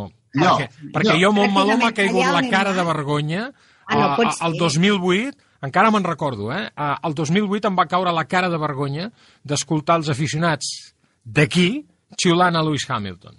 No, és que no pot ser això. Els, els xiulets, jo entenc en un moment puntual, si hi ha hagut un rifirraf, hi ha hagut alguna cosa molt puntual, bueno, molt bé. Però així consistentment a cada gran premi em sembla una falta de respecte a, a un campió del món Clar. i a un pilot com Lewis Hamilton. Això per començar. Ara bé, és veritat que aquest, eh, aquest, l'actitud d'ell no és massa, no sé, vull dir... Simpàtic. No ajuda, no ajuda. No, i no, que no és simpàtica, que a la ràdio sempre és, és, és el que vosaltres dèieu, mai, mai té el reconeixement, no? L'altre pilot Mm. sempre és o el cotxe d'ells va millor, el cotxe d'ells va millor, no és que el pilot avui el està... cotxe i l'equip, No. perquè el que deia el Joan del pit stop de, de Verstappen, però és que, atenció, eh? Red Bull millor que Mercedes fins i tot en els pit stop, recordeu el, el, el pit stop horrorós de Valtteri Bottas, però és que els de Milton Keynes han estat els millors en els pit stop de 11 grans premis, eh? 11 de 18 que en portem, eh? Per tant, i després no oblidem, eh? eh Verstappen porta 9 victòries, Checo una, 10 victòries de 18, eh? Home, mm, escolta'm, i, i, i, i, És i, i a veritat, més a més, jo ho dic allò... Sí, però els pilots també. Sí, llavors exacte, s'ha- ah, exacte, de- exacte, exacte. de- Igual que s'ha de saber guanyar, s'ha de saber perdre. Sí. I, I que no es pot guanyar per sempre. Vull dir, no podem entrar en aquesta depressió cada vegada que, Ja. que no guanyem una cursa. Per favor, que fet segon, eh? Tampoc no... Mm, vull dir, era saber guanyar i saber perdre. No, no, ha, ha fet un, una cursa uh, uh, de coco, perquè eh, podia haver perdut aquesta segona plaça. Mm. Si es vesse, si es vesse dormit una mica, Sí, sí, sí, el sí. Checo se'l vesse menjat. Si la cursa dura una mica més, Checo l'atrapa. Mm. Bueno, eh, això és difícil de, de saber, Sí, perquè no, és- també, també. els pneumàtics de tots dos es pessin posat a la part, encara que Checo tenia mi, més pneumàtic, 11 però voltes el menys. te- te- arriba un punt que bàsicament el pneumàtic Mm. ja, ja, ja, ja cau una mica com l'altre, però, però sí, almenys el haguessi apretat o el haguessi, li haguessi posat el morro o hagués sigut una lluita, vull dir que en aquest sentit, ara, un comentari de dir si el Checo és capaç de fer això vol dir que el cotxe és molt superior al nostre, això és el que a mi Això és, és humiliant, és humiliant. em toca els nassos, per Sí. primer, perquè t'agrada Checo, Sí. que no té, no té cap sentit fer-ho, perquè és No. un grandíssim pilot, I tant. i després perquè, òbviament, ell és Déu, i si no guanya és perquè el cotxe no li dona Ja. el que li té que donar. I això, això és un Hamilton Mm. emprenyat, un Hamilton sota pressió, i un Hamilton Dèbil. que quan està així, Dèbil. a vegades té molt serrades. Mhm. Quan està així, a vegades fa moltes serrades. Ja. Eh? Com dèiem, novena victòria de Max Verstappen en guany, 19 punts de diferència sobre Lewis Hamilton quan falten 4 curses i, atenció, Red Bull a un punt de Mercedes en el Mundial de Constructors. Al tanto, eh? Clar, clar, clar, això està sent molt, molt, molt interessant. Parlaves abans de l'intent de volta ràpida de Valtteri Bottas. Eh, a mi, mm, vols que et digui la veritat? Em va semblar ridícul el primer intent. cutre. Em va semblar cutre, exacte, cutre. A mi també. cutre. Em va semblar cutre. És que és cutre el, el no anar a guanyar un punt, sinó a treure un A treure. Treure-li Ah, punt. exacte, exacte. Aquí, aquí Em va semblar cutre, el això. cutre és el reglament, Sí, però sí. el cutre és que el reglament Mm. et, et faci això, et permeti fer això, no? Llavors, és, encara que siguis l'últim, surts, tu no guanyaràs la, la volta, no, no faràs la volta ràpida o no guanyes el punt de la volta ràpida, però li fotràs el punt al qui l'ha fet amb tots els mèrits, Ja. no? Al- Aleshores, això, això és el cutre del reglament. És- Però és- que ho han cutre- de fer dues vegades, perquè no els hi surt Exacte, bé. ah, exacte. Aquest és el problema, Clar, també. jo quan veig que la primera vegada no els hi surt bé, dic, hosti, Quin desastre. ridícul, quin ridícul. Ja quan entren dius, per favor, pel bé psicològic de Valtteri Bottas, que li surti bé ara, perquè si no, aquest tio mm, es desmoralitzarà molt, no? Es Clar, desmoralitzarà però moltíssim. és que sobretot també la, la manera amb el que ho fa Mercedes, de, vale, anem a fer això, que em sembla lícit, bueno, si està el reglament i està permès, doncs endavant, molt bé, però que ho fan tan precipitadament que no li busquen ni, ni, ni posició en pista. Vull dir, res, res, el tiren amb en tràfic. Caspa, caspa. Clar, és un desastre, per això ho, ho han de tornar a fer, tenir-lo aturat a pits per poder-li trobar un forat i que pugui fer la volta ràpida a l'última volta. Home, Ja. és una Sí, sí. mica com, com anar tropeçant-se, no? No, no està ben... Sí. Es veu, bueno, una Mercedes és sota d'equip pressió. petit, d'equip petit, no d'un equip que ha dominat el Mundial els últims anys, no? I, I clar, això jo crec que aquestes misèries, perquè això és ser misèria, això el que fa és fer gran el teu rival. Perquè Oh, tant, si jo sóc. Red Bull em fot un far de riure davant d'això. Dius, vale, sí, ens han aixecat el punt que li tocava a Verstappen, que era qui tenia la volta ràpida en aquest... D'acord, escolta, eh, la, I no les armes... mai, estan- eh, Ja et dius, un punt pot ser el campionat. Pot ser el eh? campionat, sí, sí, sí. sí, sí. sí. Aquest Sí, sí, any sí, anem, no, no. a, anem És- amb mig punts, eh? Anem amb mig punts. Eh? No, no, és lícit, però no és maco, no és elegant. No, no, m'entens? no, És lícit, però és no, elegant. però no, no és elegant. Però el que és tonto, és la, el que és uh, estúpid és la, la, la, el reglament que et permetin fer això. Ah, bueno, sí, sí. Clar, si el reglament digués, escolta'm, el, a partir del 10, el que faci la volta ràpida, oblida't. Mm. Sí, li regalem un pernil, li regalem un pernil. Exacte, no li regalem ni un pernil, ni, ni un torró. I el, el que faci la volta ràpida, els 10 primers, aquest és la volta ràpida, Mhm. que és el correcte. Per Ja. evitar aquestes tonteries, doncs ja estaria. Sí, no? sí, Però sí. ara, si tu deixes la porta oberta per robar un punt, no per guanyar-lo, per robar-lo... Mm. Per fotre l'altre. Eh? Per fotre l'altre, doncs està, està clar que... La... Això em recorda un, un parent tonto, un, un parent tonto que jo tenia, que quan, quan, quan eh, era, era, justejava bastant, eh? I deia, diu, ara us fotreu i no menjaré. Bueno, doncs molt bé, endavant, doncs no, no, no mengis. Vull dir, mira, en tindrem més pels altres, m'entens? I així va anar, clar. Escolteu, uh, la situació a Ferrari, uh, amb tot aquest sainete de ara, eh, passi vostè, no, vostè primer, ara Leclerc, ara Sainz, Sainz que tenia molt millor ritme de cursa eh, de manera evident que, que Leclerc, però clar, amigo, això és una empresa. I en el campionat Leclerc va per davant de Sainz. I a més a més hi havia en joc aquesta baralla per la tercera posició del campionat amb McLaren. Eh, ostres, com ho hem d'entendre això? Perquè hi ha hagut gent, bueno, escolta, sembla que, que després de la mort de Manolete ha estat la desgràcia més gran que ha passat a Espanya, que, que Sainz hagués de tornar la posició a Leclerc. Hi ha hagut gent que, bueno, vamos, eh, estan a punt de fer manifestacions a Maranello per cremar la fàbrica. Què? què? Com, Espera. com ho hem d'entendre, això? Uh, Sainz tenia més ritme que Leclerc tot el cap de setmana. Yes. A la classificació també acaba per davant. Desafortunadament a la sortida Sainz es troba tots embirullats, té que sortir-se i allí és on perd la, la seva, entre cometes, la seva cursa, perquè Leclerc aquí és el que surt millor parat. Mm, té més ritme? Sí, però Leclerc està davant. Ara bé, mm, que, li deix, que el deixin passar per intentar agafar Gasly em sembla bé, però... No era eh, una mica utòpic, això? Estava molt, molt lluny, utòpic, eh, perquè estava més de 10 segons, això no? En aquell moment Gasly, vull dir... Però bueno, vale, ho vols intentar? Doncs endavant, intenta-ho. Uh, però bueno, ho hem vist en moltes altres curses, molts altres anys, molts altres equips. Si no aconsegueixes avançar, has de tornar a la posició. Ara bé, la pregunta és... Uh, És maco, és maco, uh, això. Sí, eh, Leclerc li fa gràcia? No li fa gràcia. Sainz li fa gràcia? No li fa gràcia quan li diuen que després no pot disputar-li la posició a Leclerc. Clar. Perquè ell, quan li torna la posició, pregunta si pot disputar-li. Anava I li 7 diuen que segons no. per davant, eh, de Leclerc, quan, quan li torna és la que- posició. Ah, És que- ja, és- no, no, és, és, una mica, és una mica lleig haver de tornar a la posició, però eh, un trato és un trato. Sí, sí, però si és lleig que els de Mercedes provessin de fotre-li el punt a Verstappen per la volta ràpida, això també és lleig. Vull dir, Molt, absolutament. Ja, ja, què dius, Joan, Els dos dius? pilots, eh? Ah, Jo veig, jo veig dos punts. Primera, quan li diuen, no, no, no és que faci cas ràpidament. I, i, el, I, a més a més, es veu que Leclerc està anant a totes perquè fot errades una darrere l'altra. Carlos s'acosta i, i el Leclerc va fent errades, bloquejant la roda, etc etc. O sigui, el Carlos se'l vessi menjat de totes maneres.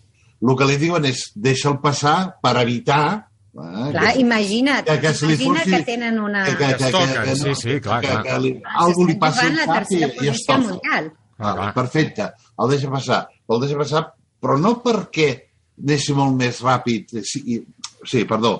El deixa passar perquè va molt més ràpid. Va molt més ràpid. No tant per atacar a Gasly, que estava molt lluny, però sí que la comença a atacar.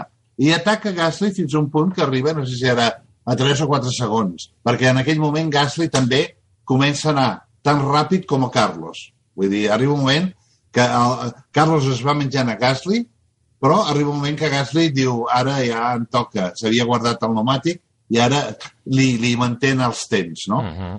Bé, és evident que estava 7 i mig segons per sobre de, per davant de, de De Leclerc. Leclerc. Uh -huh. Però és veritat també que una vegada és imposat aquesta llei, Ah, no, no, clar. el, el famós eh, del, del Red Bull, el Chapter 21, no sé com era allò, Multi 21. Multi 21. Multi 21, no?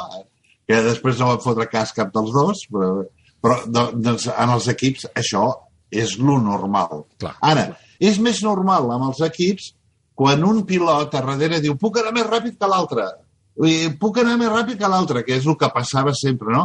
Digue-li que em deixi passar que puc anar més ràpid. Bé, el passa i va una dècima, dos, tres dècimes més ràpid que l'altre. I al final està dos, tres segons a davant de l'altre. Ah, Llavors és el lògic és dir, escolta, abans de la cursa, que s'acabi, tornem a passar les posicions. Ja. Aquí és que Carlos va desaparèixer. Una vegada va passar Leclerc, se'n va anar. Se'n va Mm. Sí, anar sí, era molt a, superior. a, a 7 i mig, 8 segons, no? Però això no vol dir que hagués agafat a, a Gasly, que, esti, que estigués escrit, això, que estigués Quan escrit. a, quan a Gasly li comença a plantar cara amb els temps, era el moment de dir, vale, No hi ha res a parlar. la història. Retornem a les posicions perquè un altre dia això tornarà a passar i serà al revés. Clar. Que és el més important d'entendre. Carlos ho ha fet professionalment bé, Leclerc li va costar, perquè li va costar, perquè li va fer perdre a Carlos segurament dos o tres segons, eh? i, Te'n- eh, i, i te'n recordes, Joan? que la cosa serà al revés, no? Te'n recordes, Joan, aquell gran premi de Singapur que, que, que, la, que la Maria anava eh, trencant paraigües per tot arreu, que ens vam mullar eh, com, com a gallines, us en recordeu? Aquella moguda que, que hi va haver, la pluja va ser als entrenaments, però la, la moguda que hi va haver en cursa amb Sainz, precisament, i crec que el Max, a Toro Rosso. Crec que, crec que va ser amb Sainz i Max. Va ser una situació pràcticament igual, eh? eh que el, el van obligar a cedir la posició. Va ser, va ser bastant semblant, això de això d'ahir. Eh, El Carlos, Carlos és un soldadet, eh? El Carlos és un tio... No, no. Carlos que- sap perfectament quin és el és- seu és- paper. Un treballador d'equip Tu li impecable. dius, tu li dius, això és com és, com el que s'ha de fer, i ell, ell t'ho fa. No ha fet Vull ni una crítica, a- ni una aquí, crítica. Aquí el perillós pot ser un Leclerc, pot ser un Max, pot ser aquí, aquí, algun d'aquests. El perill, perquè- el perill aquí, en aquest cas, Joan, ve de la cor de palmeros que té al darrere. Perquè el, el pilot, el Carlos està impecable acatant les ordres d'equip i, i no fent el més mínim comentari. Després cuidado, ve això la bruneta mediàtica, no? I Cuidado, això és una altra això, cosa. Mm. Josep Lluís, tot això són punts per l'equip, eh? Clar, Vull dir, evidentment. Ha sigut més, Coi, ha sigut més ràpid, eh, ha demostrat que era més ràpid que l'altre. El que dèiem, ja, Jo- ja van per davant de McLaren. Vull dir, 268,5 Ferrari, 255 McLaren. I a començament d'any això eh, ens hagués semblat impossible, no? I parlant de Gasly, jo no voldria tancar ja el repàs d'aquest Gran Premi sense aplaudir el seu rendiment, caram, aquest nano, d'acord, motor Honda, però amb un toro, amb, ai, dur, Jo, amb un Alfa Tauri... però per mi és un dels pilots de la temporada. Eh que sí? Està fent una Sí, temporada espectacular, extraordinària a espectacular. classificació i a cursa. I és veritat que el motor Honda funciona millor, però no deixa de portar un Toro Rosso. I Eh? tant, i tant. és Alonso. un bon cotxe, eh? Cuidado, que, que és un bon Sí, cotxe, eh? sí, sí, sí. Sí, però no és un Red Bull, no eh? és un Red Bull. No és un Red. Bull, eh? Vull És dir, que estem, cuidado. Estem i- parlant que està fent quarts, ha fet tercers, o sigui, No, està no, consistentment al top 6. És No, una no, i no, i no, i no s'emmerda en follons, no... És que no té s'es- 86 punts, eh? Està- té està molt 86 punts, Gasly. És un, és un, un saco di punti, que dirien a Itàlia. Alonso, mala sortida, en surt, quan va veure el cotxe... Eh, la, la imatge aquella que es veu el cotxe de bota girat de cara fa, fa tanta por, allò. I posterior recuperació amb un cotxe que... Pff, noi... Eh, No acaba. és com Luke de Jong, aquest cotxe, eh? Il·lusiona més no aviat poc. Era eh? dos punts, dos punts després d'un cap de setmana relativament discret i com ha anat. I Està com ha anat bé, el- està bé. aquest. Jo crec que està molt, Molt bé. I precisament el, el que tu deies, no? lliurar-se de tot aquell merder Hosti. el primer revolt. Virgencita que me quede com estava, eh? La passada, la passada que li va fer al Russell per l'exterior, senyor. al final de recta, amb els dos respetant-se Sí. a l'espai, eh? xapó per Russell i xapó per Fernando. Totalment d'acord. Per la part bruta, eh? Per la part bruta li fa Per la part exterior de... Que se'n podia haver anat a Campistraus, eh? que Allà. es defensa de Norris al final gràcies a la, gran, la bona gestió de pneumàtics Sí. que ha fet també d'un Mhm. pit stop eh, cap al tard i, i conservant pneumàtics, sobretot això, al final Sí, aguantant-hi la posició No, Norris. fent, la, Fernando fent la seva feina, que és treure Sí. petroli on no hi ha. I en aquest Ha quedat moment, deslluït, Pin, entre cometes, però... però al PIN no hi ha petroli, en absolut. No, el PIN, de, en aquest moment, estan bastant perduts. No. En circuits ràpids, en circuits Sí, curts, sí. amb molta càrrega, amb poca càrrega. Bueno, hay que creer en el plan. Hay Hay que que creer en el en plan. el plan, Aviam, exactament. Quan arribi el plan, doncs ja... El No sé si quin plan deuen estar, deuen estar a Pelatge ja, no? Sí, el plan Marshall o el plan Dul, saps? Maceis. quin dels dos, exacte. Uh, tres coses molt ràpides per acabar. Una que a mi m'il·lusiona moltíssim, els rumors de l'entrada de Porsche a la Fórmula 1. Sisplau, sí, sí, sí, on s'ha de signar? Eh? No, Bueno, d'aquí Entraran. venen totes les discussions dels, dels nous motors Ah. i de, eh, clar. Entraran, entraran. No. Serà per, a través d'Audi o serà a través de... que ho fagin, de sisplau. Porsche o el que sigui, però entraran, estic convençut. Jo vull, vull que tornin. estan, estan dintre, el que serà boníssim és saber a on van. Clar. Ah, exacte, Eh? exacte. Perquè aquí hi ha, una, hi ha un link molt important amb Red Bull, Mm, sí, el senyor. grup eh, Audi, hi ha un link Sí, senyor. molt important, però també hi ha un link molt important amb McLaren. Ara... Qui se l'emportarà això no se sap. Tot dependrà de l'interès que tingui Porsche amb el mercat americà, que és molt important. que és molt Si és que utilitzen Porsche com a marca d'entrada, eh? Exacte, exacte. Pot ser Audi o pot ser un altre, Ah, eh? pot ser un altre, sí, sí, sí. Què podem esperar per Interlagos aquest cap de setmana? Pneumàtics més tous, com dèiem, uh, Mercedes que, que, que va bé amb entrenaments però no tant en cursa, Red Bull que pot treure un gran rendiment del sector 2 d'Interlagos, què podem esperar? A mi em sembla que la diferència no serà, tan, no serà tan evident com a Mèxic. Segurament veurem una Mercedes que estarà més a prop, el que tu dius, els pneumàtics, a veure quin paper juguen, però bueno, tornem una altra vegada a un circuit d'alçada, mmm, a, veure, a veure com funciona el motor Honda i sobretot com funciona el motor, el motor Mercedes i quin Hamilton podem esperar. I tant. I per acabar, mm, escolta, jo em vaig alegrar moltíssim del tercer lloc de Checo, mm, content per ell, content pels aficionats mexicans, eh, content per Jalisco no té rajes, eh, en- encantat per tot Per això. el Forosol... Pel Forosol, per la, per la cervesa Coronita... eh, Els mariachis. Els mariachis, Pel exacte. Molt, molt, molt. Per Rafa Márquez, molt content per tot això, però Hosti, no veu quedar una mica cansats del pare de, de Checo Pérez? Eh, és que Pobre jo, home. Diumenge vaig somiar amb ell, eh? Diumenge a la nit, eh, no sé, tu, vaig tenir un somni allò entre frijoles i, i guacamole i el pare de Checo Pérez per allà. Va sortir més el pare de Checo Pérez que el nen de Felipe Massa en, en temps passats, eh? Vull dir, sortia, va, sortia molt aquell home, és eh? molt apassionat, un home molt apassionat, mm. molt apassionat i que el coneixem molt bé també del, dels circuits. I, veure, Quan l'entrevistàvem no hi havia manera d'acabar-ho, eh? Sí, sí, quan sí, sí. arrenca no hi ha qui l'aturi. No, però hi ha, hi, ha que dir, hi ha que dir una cosa. Eh? Vull dir, Mèxic està fent un gran esforç, Sí, home, un sí. gran premi brillant. I també és veritat que tindre un pilot com Checo després de los Sí, hermanos sí. Rodríguez, la veritat és que es mereixen uh, tot això. I quan tu veus la quantitat de mexicans que van a Austin, a l'esforç que fan... Sí, home, sí, sí, estic Premi, encantat. No, no. Vull dir, en aquest sentit, vale. Home, si, si ha sigut Si extraordinari. El Gran Premi en si ha sigut doncs que extraordinari. surtin. Sí, sí, sí, i tant que sí. Maria, Joan, uh, la setmana vinent més, eh? Canviarem el... La samba, arriba. Ah, arriba la samba, sí senyor. Ganes. Sí senyor. Sí tant. senyor. I la caipirinha. Que no falti, que no falti. I tant que sí. Una forta abraçada Del tequila, del tequila a la caipirinha. del tequila a la caipirinha o, o, Mare meva, o a lo- l'Alka-Seltzer. a lo que se, exacte, Vinga. a lo que se tercie. Va, vinga, fins la setmana entrant. Gràcies per acompanyar-nos. Un petó A a tots vosaltres dos. una abraçada. Adéu, adéu, Adéu. adéu, un petó a tots. RAC Més? 1 Et vols vendre el cotxe? Busca, compara i, si algú te'n paga més, vine a Ocasión Plus. Millorem qualsevol taxació al millor preu garantit. Pagament al cap de 30 minuts. Ocasión Plus. Dues botigues a Terrassa, una altra a Mataró i també a ocasionplus.com. Obrim els dissabtes matí i tarda.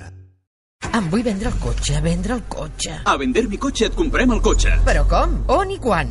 No tinc temps. Fàcil i molt de pressa. No cal ni demanar cita. Vine amb el teu cotxe, accepta la millor oferta i abans de 30 minuts tu i els teus diners estareu de tornada a casa. Vinga, venta el cotxe a Vender mi cotxe. Som a Barcelona, al carrer Rocafort 78, Cornellà de Llobregat i a Sabadell. RAC més 1 us està oferint Cafè del Pado. Tota l'actualitat del món del motor amb Josep Lluís Merlos.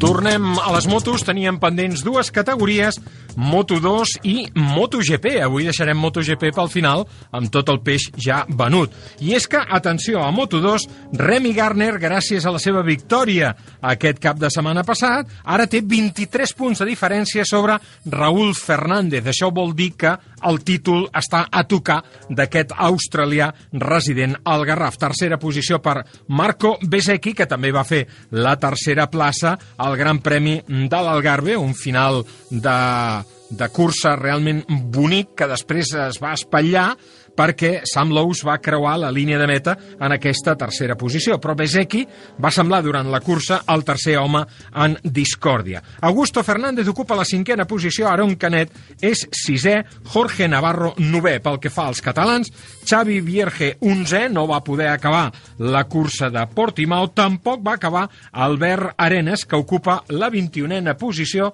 al Campionat Mundial. Quim, el títol es decideix aquest cap de setmana, l'última cursa a València, com dèiem, 23 punts separen Garner de Fernández, Remy, que té 23 anys, els mateixos anys que punts de diferència, en tindria prou amb ser 13è per ser campió del món. Però, atenció, hi ha un factor que no hem de perdre de vista. Amenaça pluja per aquest cap de setmana a pràcticament tota la península i a la zona del llevant encara més. I això pot ser complicat, eh? Bé, eh, tot dependrà de com gestioni la pressió Remy Garner, perquè el títol només el pot perdre ell, el Ja. té a la butxaca.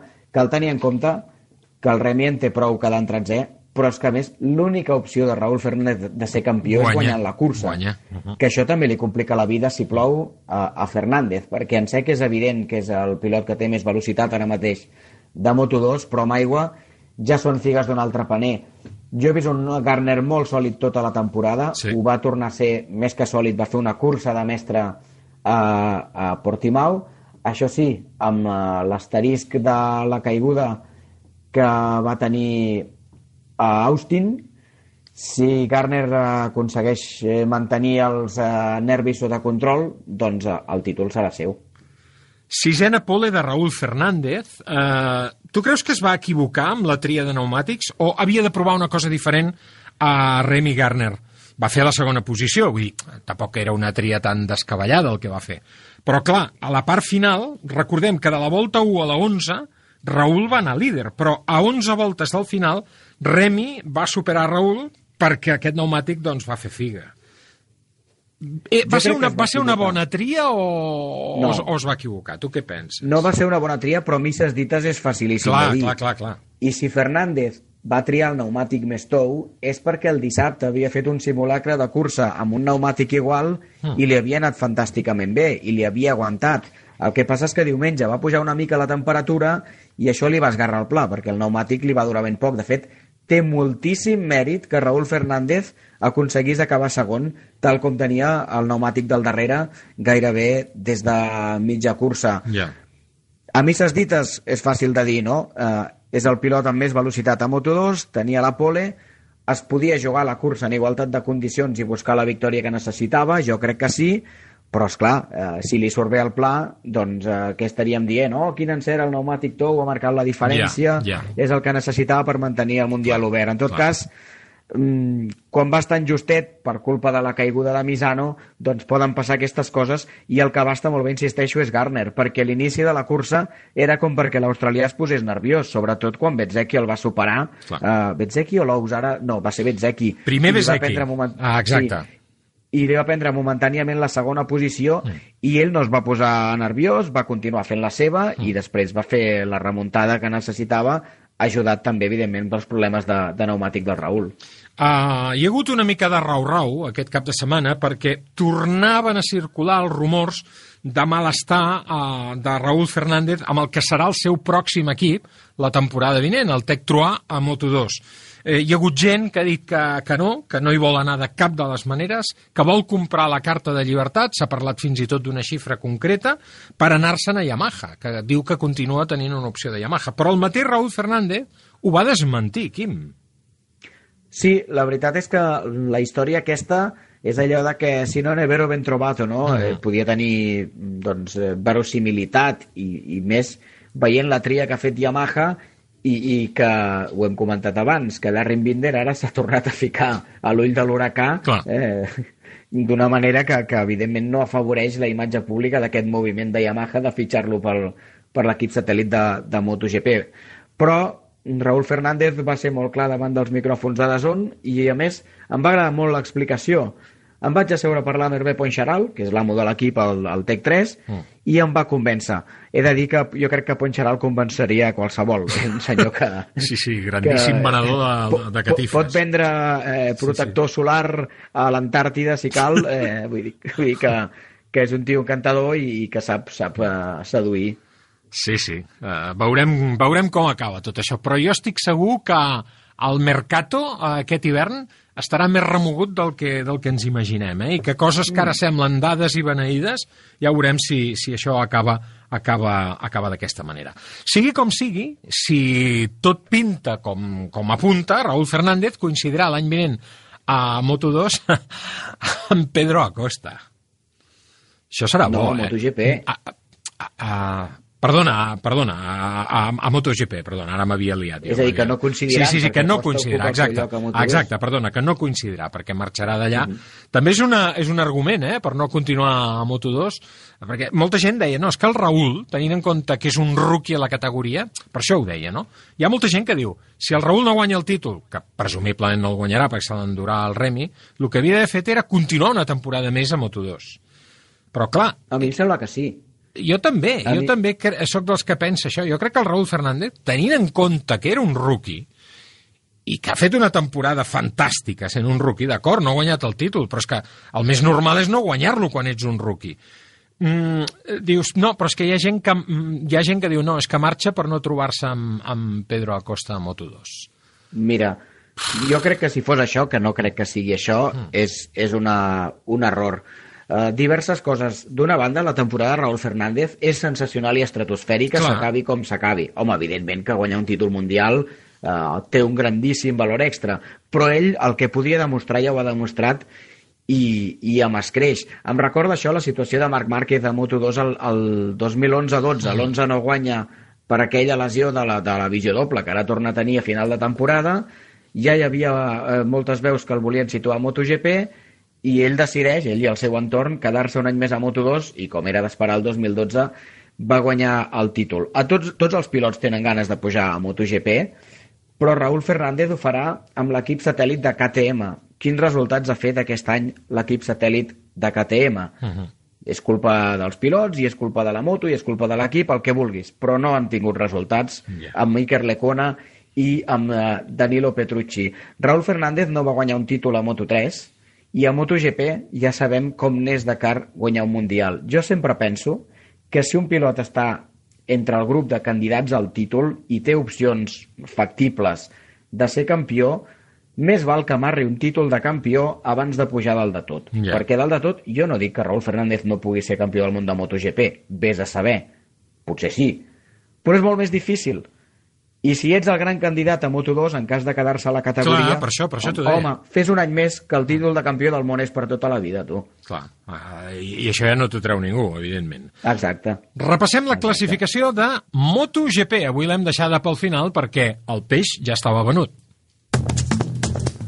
Campió mundial, com sabeu, Fabio Quartararo, 40 punts de diferència sobre Pecco Bagnaia. L'italià de Ducati ja té confirmat el seu subcampionat mundial. Va guanyar la cursa de l'Algarve, mentre que Fabio Quartararo va tenir el primer zero de la temporada. Va caure una errada de concentració, no ho sabem. El cas és que per primera vegada es quedava sense puntuar i ara, a cap de les tres categories, no hi ha cap pilot que eh, hagi puntuat a tots els grans premis. El francès era l'últim i va perdre, era l'únic, vull dir, i va perdre aquest honor. Joan Mir és el tercer classificat en el Campionat Mundial. Recordem-ho que va tornar al podi, no el trepitjava des del Gran Premi de l'Aragó al Motorland. Marc Márquez ocupa la sisena posició del campionat, però ves per on. Eh, fa 15 dies dèiem, Marc Márquez podria acabar la temporada fins i tot entre els 3 o 4 primers. Recordem que després de Quartararo, que ha guanyat 6 curses, era qui havia guanyat més grans premis, 3 fins al moment, ara Banyai, amb la victòria d'aquest diumenge, l'ha empatat. Però ves per on, Márquez, no solament no millorarà aquesta sisena posició, sinó que ho té bastant pelut de mantenir-la perquè Brad Binder té exactament els mateixos punts que ell.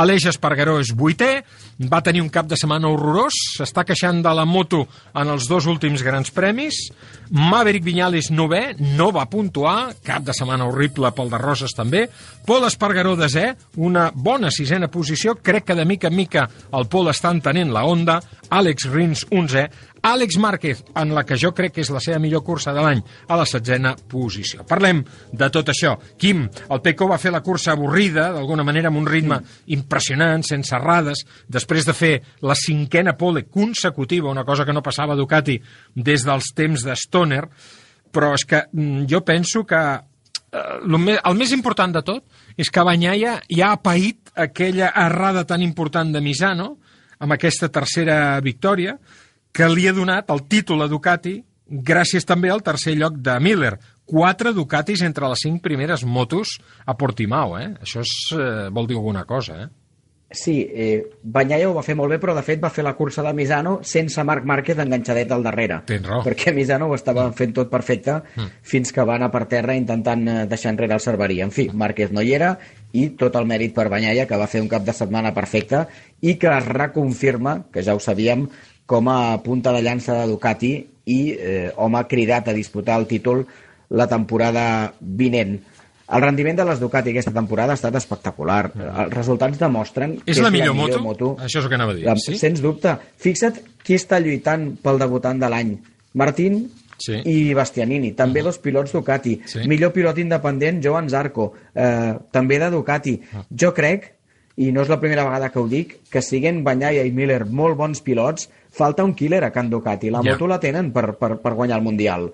Potser, potser Banyaia pot arribar a ser aquest home. Encara li falta una miqueta, ho hem vist aquesta temporada.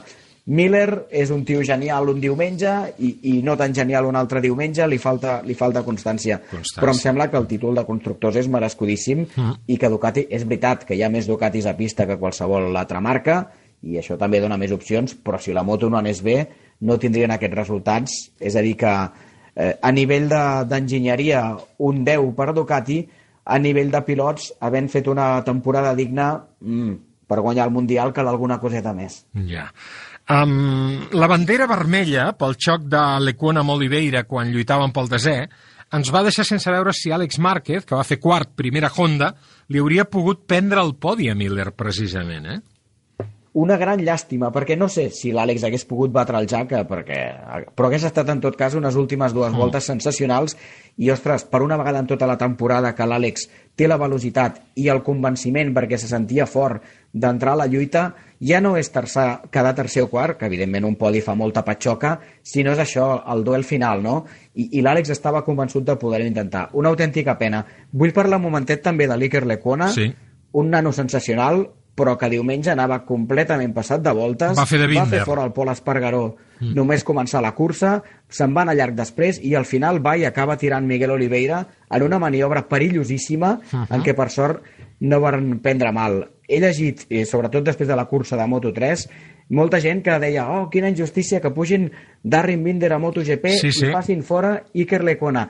Miri, em sap molt greu. A Lecona hi aniria encantat de prendre un cafè però a MotoGP no ha justificat amb resultats l'aposta i el paper que va fer diumenge, comprensible, perquè era la seva penúltima cursa i, i vol deixar una bona impressió, però anava, com va dir el Pol Espargaró, sobreexcitat. I això és un esport de risc i no, no compro que, que quina injustícia que Binder entri per l'Econa. Uh. -huh. L'Econa no ha acreditat eh, mereixer aquesta plaça, em sap greu, i el cas de Binder són figues d'un altre paner que més ja hem, connect, que ja hem comentat. Bona, bon, bon apunt aquest i que subscric totalment, eh? Parlant del Pol, bé, no? Jo crec que està, li està agafant el rotllo a la onda i fins i tot amb apostes arriscades com la de triar un pneumàtic diferent, més dur, pel darrere, no? Sí, sí, molt bé el Pol i em queda la recança i a ell també, si no hi hagués hagut aquest eh, incident, no es van tocar, no? però Ah. que acabar fora de la pista per l'agressivitat de l'Econa... Si Va ser no molt hagués al començament i allò el, el va descentrar una mica, eh? És que va perdre unes quantes posicions que després són difícils de Mm. Clar, recuperar. per això, per això. És veritat que si ell hagués tingut un ritme folgorant, doncs es recuperes les posicions i ja està, que tens tota la cursa. Però amb la igualtat que hi ha ara a MotoGP, la situació del Pol no és aquesta. I, i una cosa així et perjudica. En tot cas, ell que és tan autoexigent, jo em pensava que estaria empipat com una mona quan ens va atendre els periodistes després de la cursa, i no, estava content perquè malgrat que un sisè no té res a veure amb el segon de l'última cursa a Misano, ell es va veure molt similar pel que fa al ritme i els pilots saben que això és el, el que realment importa, no? Ja. Que, que ser consistent és la base per poder anar bé de veritat. Molt ràpidament, eh, les Aprilia, que sembla que han anat endarrere, no? El mateix Aleix ho ha dit. Diu, portem dues curses que passa alguna cosa rara aquí. Sí, sí, sí, i vaja, una mica sembla que s'hagin desinflat tots plegats després del podi de, de Sachsenring, per bé que encara eh, l'Aragó va estar prou bé. Mm, L'arribada del Vinyales no sé si els ha distret o simplement és una qüestió tècnica. L'Aleix explicava que ell no entenia per què, però potser era un tema de temperatura. Al final, però, és un mal final de temporada per Aprilia que, bé, hauran de fer alguna cosa important aquest hivern perquè mm, cada any sembla que han de fer el pas endavant i cada any s'hi queden a mitges. Fan mig pas i no acaben d'estar lluitant amb les altres marques. El tema de Fabio Quartararo, com tu expliques, el relaxament una vegada assolit l'objectiu del títol, Segurament que sí, segurament que sí, i a més és absolutament eh, comprensible. És allò que és l'inconscient, no? Segur que conscientment el Quartararo no vol relaxar-se i vol fer-ho bé i vol guanyar, però t'has tret de sobre la pressió i, i d'alguna manera es deu notar. En tot cas, si algun dia de caure un tio que ha guanyat el Mundial, és la cursa següent de guanyar-lo. Ja està, vull dir, feina feta i cap problema. Gran Premi de València aquest cap de setmana al circuit Ricardo Tormo a Xest, cursa, com hem dit en començar el programa, sense Marc Márquez. Cursa sense Marc Márquez. I ara què, eh? I ara què? Hem començat el programa així i l'acabem així. Quim, ens retrobem la setmana entrant amb el Joan i amb la Maria, també perquè aquest cap de setmana, com les natilles, a mi de pequeño me daven dos, i tenim ració doble de grans premis amb la cursa del Brasil de Fórmula 1 i amb la cursa de Xest de MotoGP. Ens retrobem al Cafè del Paddock. Gràcies, Quim, una abraçada. Una abraçada. I a tots vosaltres, gràcies per acompanyar-nos una setmana més. Ens retrobem, si així ho voleu, al Cafè del Paddock la setmana entrant amb més benzina i més cafè. Adéu-siau! RAC més 1 us ha ofert Cafè del Paddock. Tota l'actualitat del món del motor amb Josep Lluís Merlos.